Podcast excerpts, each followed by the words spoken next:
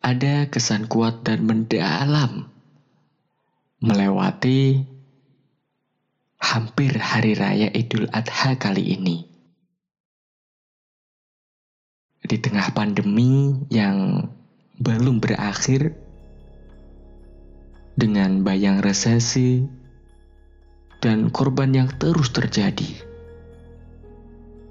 Musola-musola terdengar ketika ada kresek-kresek suara mic dinyalakan, hati langsung bergetar. Siapa lagi?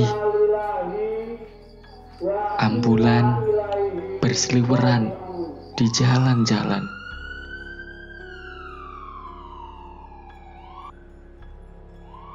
Dibarengi pesan indah, kisah kekasih Allah yang abadi mengkristalkan warisan luhur kehidupan, yaitu dewasa dan tua.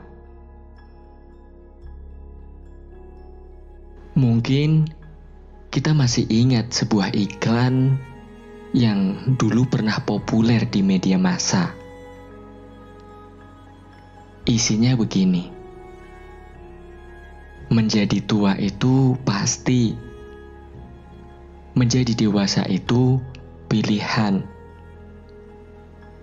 Namun, untuk kali ini kita dituntut untuk menjadi dewasa. Seiring usia kita yang terus menua, sebab banyak masalah datang ketika kita memasuki usia tua terutama untuk terus konsisten beribadah sampai husnul khotimah.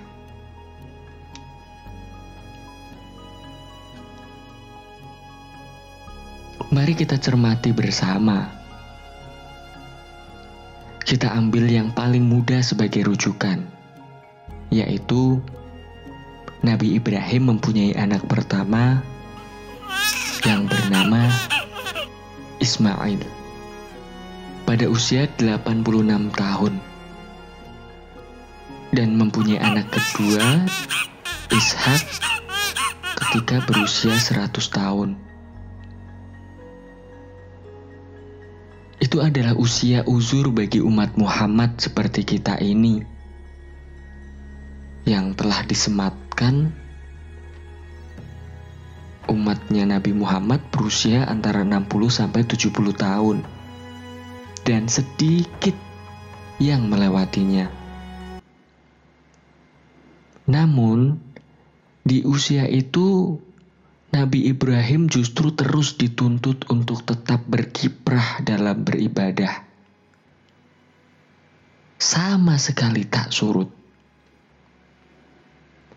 Kala muda membuat kisah heroik dengan memecah kepala patung, dibakar hidup-hidup, dan di usia tua membuat tuntunan ritual berkurban yang dahsyat lewat perintah penyembelihan Ismail. Seolah-olah dari muda sampai tua konsisten melaksanakan perintah Allah.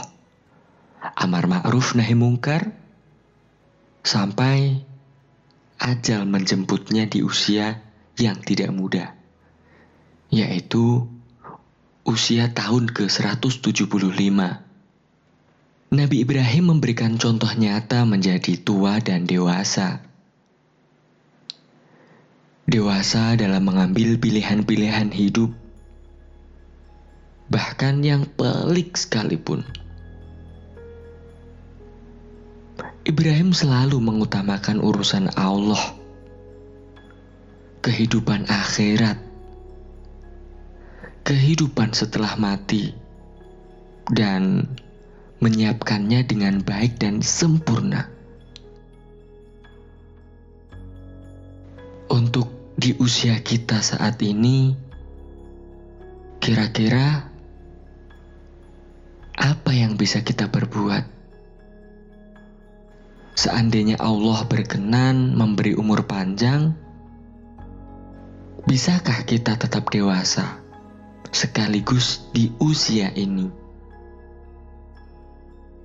Bagi kita, ketika tua tidak hanya terjadi penurunan fungsi panca indera, tetapi juga ada ancaman lain.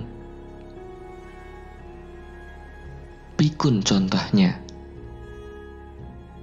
Kesehatan dan ekonomi dalam menjaga kelangsungan ibadah juga terganggu. Apalagi waktu dulu masih produktif, ada aja yang dikerjakan. Ketika udah pensiun, bingung mau ngerjain apa.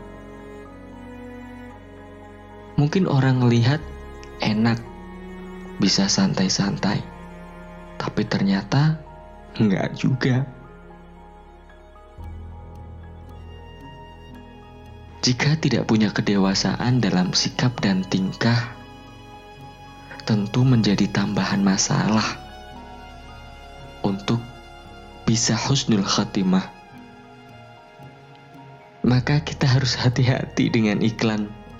Menjadi tua itu pasti, menjadi dewasa itu pilihan.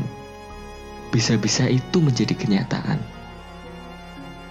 Kita tak pernah dewasa walaupun usia sudah tua, bahkan sampai tutup usia. Untuk itu, mari kita berlomba untuk menjadi dewasa dan tua. Sebagai tolok ukurnya, kita resapi ayat indah berikut ini.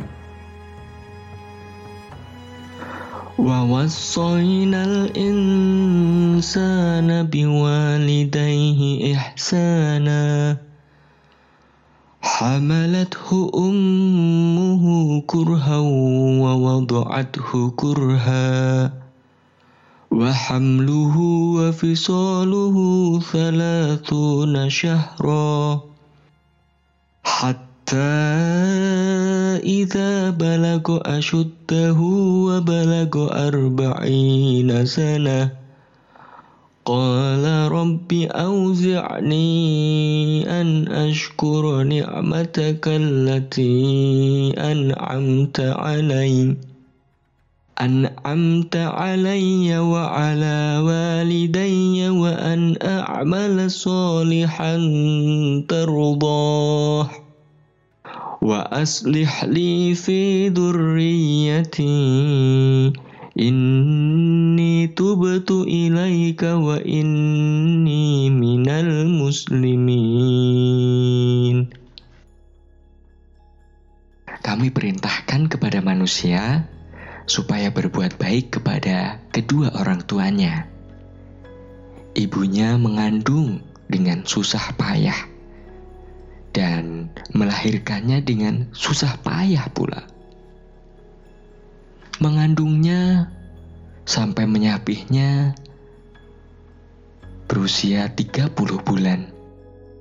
Sehingga apabila dia telah dewasa dan umurnya sampai 40 tahun, ia berdoa, Ya Tuhanku, tunjukilah aku untuk mensyukuri nikmat Engkau yang telah Engkau berikan kepadaku dan kepada ibu bapakku, dan supaya aku dapat berbuat amal yang saleh yang Engkau ridhoi. Berilah kebaikan kepadaku dengan memberi kebaikan kepada anak cucuku. Sesungguhnya aku bertaubat kepada Engkau, dan sesungguhnya aku termasuk orang-orang yang berserah diri. Jika belum juga memberikan pencerahan batin dengan ayat di atas, hadis indah berikut ini mungkin menyadarkan di usia kita yang saat ini. Dari Ibnu Umar, sesungguhnya dia berkata, Aku bersama Rasulullah Shallallahu Alaihi Wasallam. Kemudian datang seorang laki-laki Ansor dan bertanya, Ya Rasulullah, manakah mukmin yang utama? Rasulullah Shallallahu Alaihi Wasallam menjawab, orang mukmin yang paling utama adalah orang yang baik akhlaknya. Kemudian Rojul berkata, manakah mukmin yang cerdas? Rasulullah Shallallahu Alaihi Wasallam bersabda, orang yang cerdas adalah orang yang paling banyak mengingat kematian dan paling baik dalam mempersiapkan bekal untuk menghadapi kehidupan setelah kematian. Mereka adalah orang-orang yang cerdas.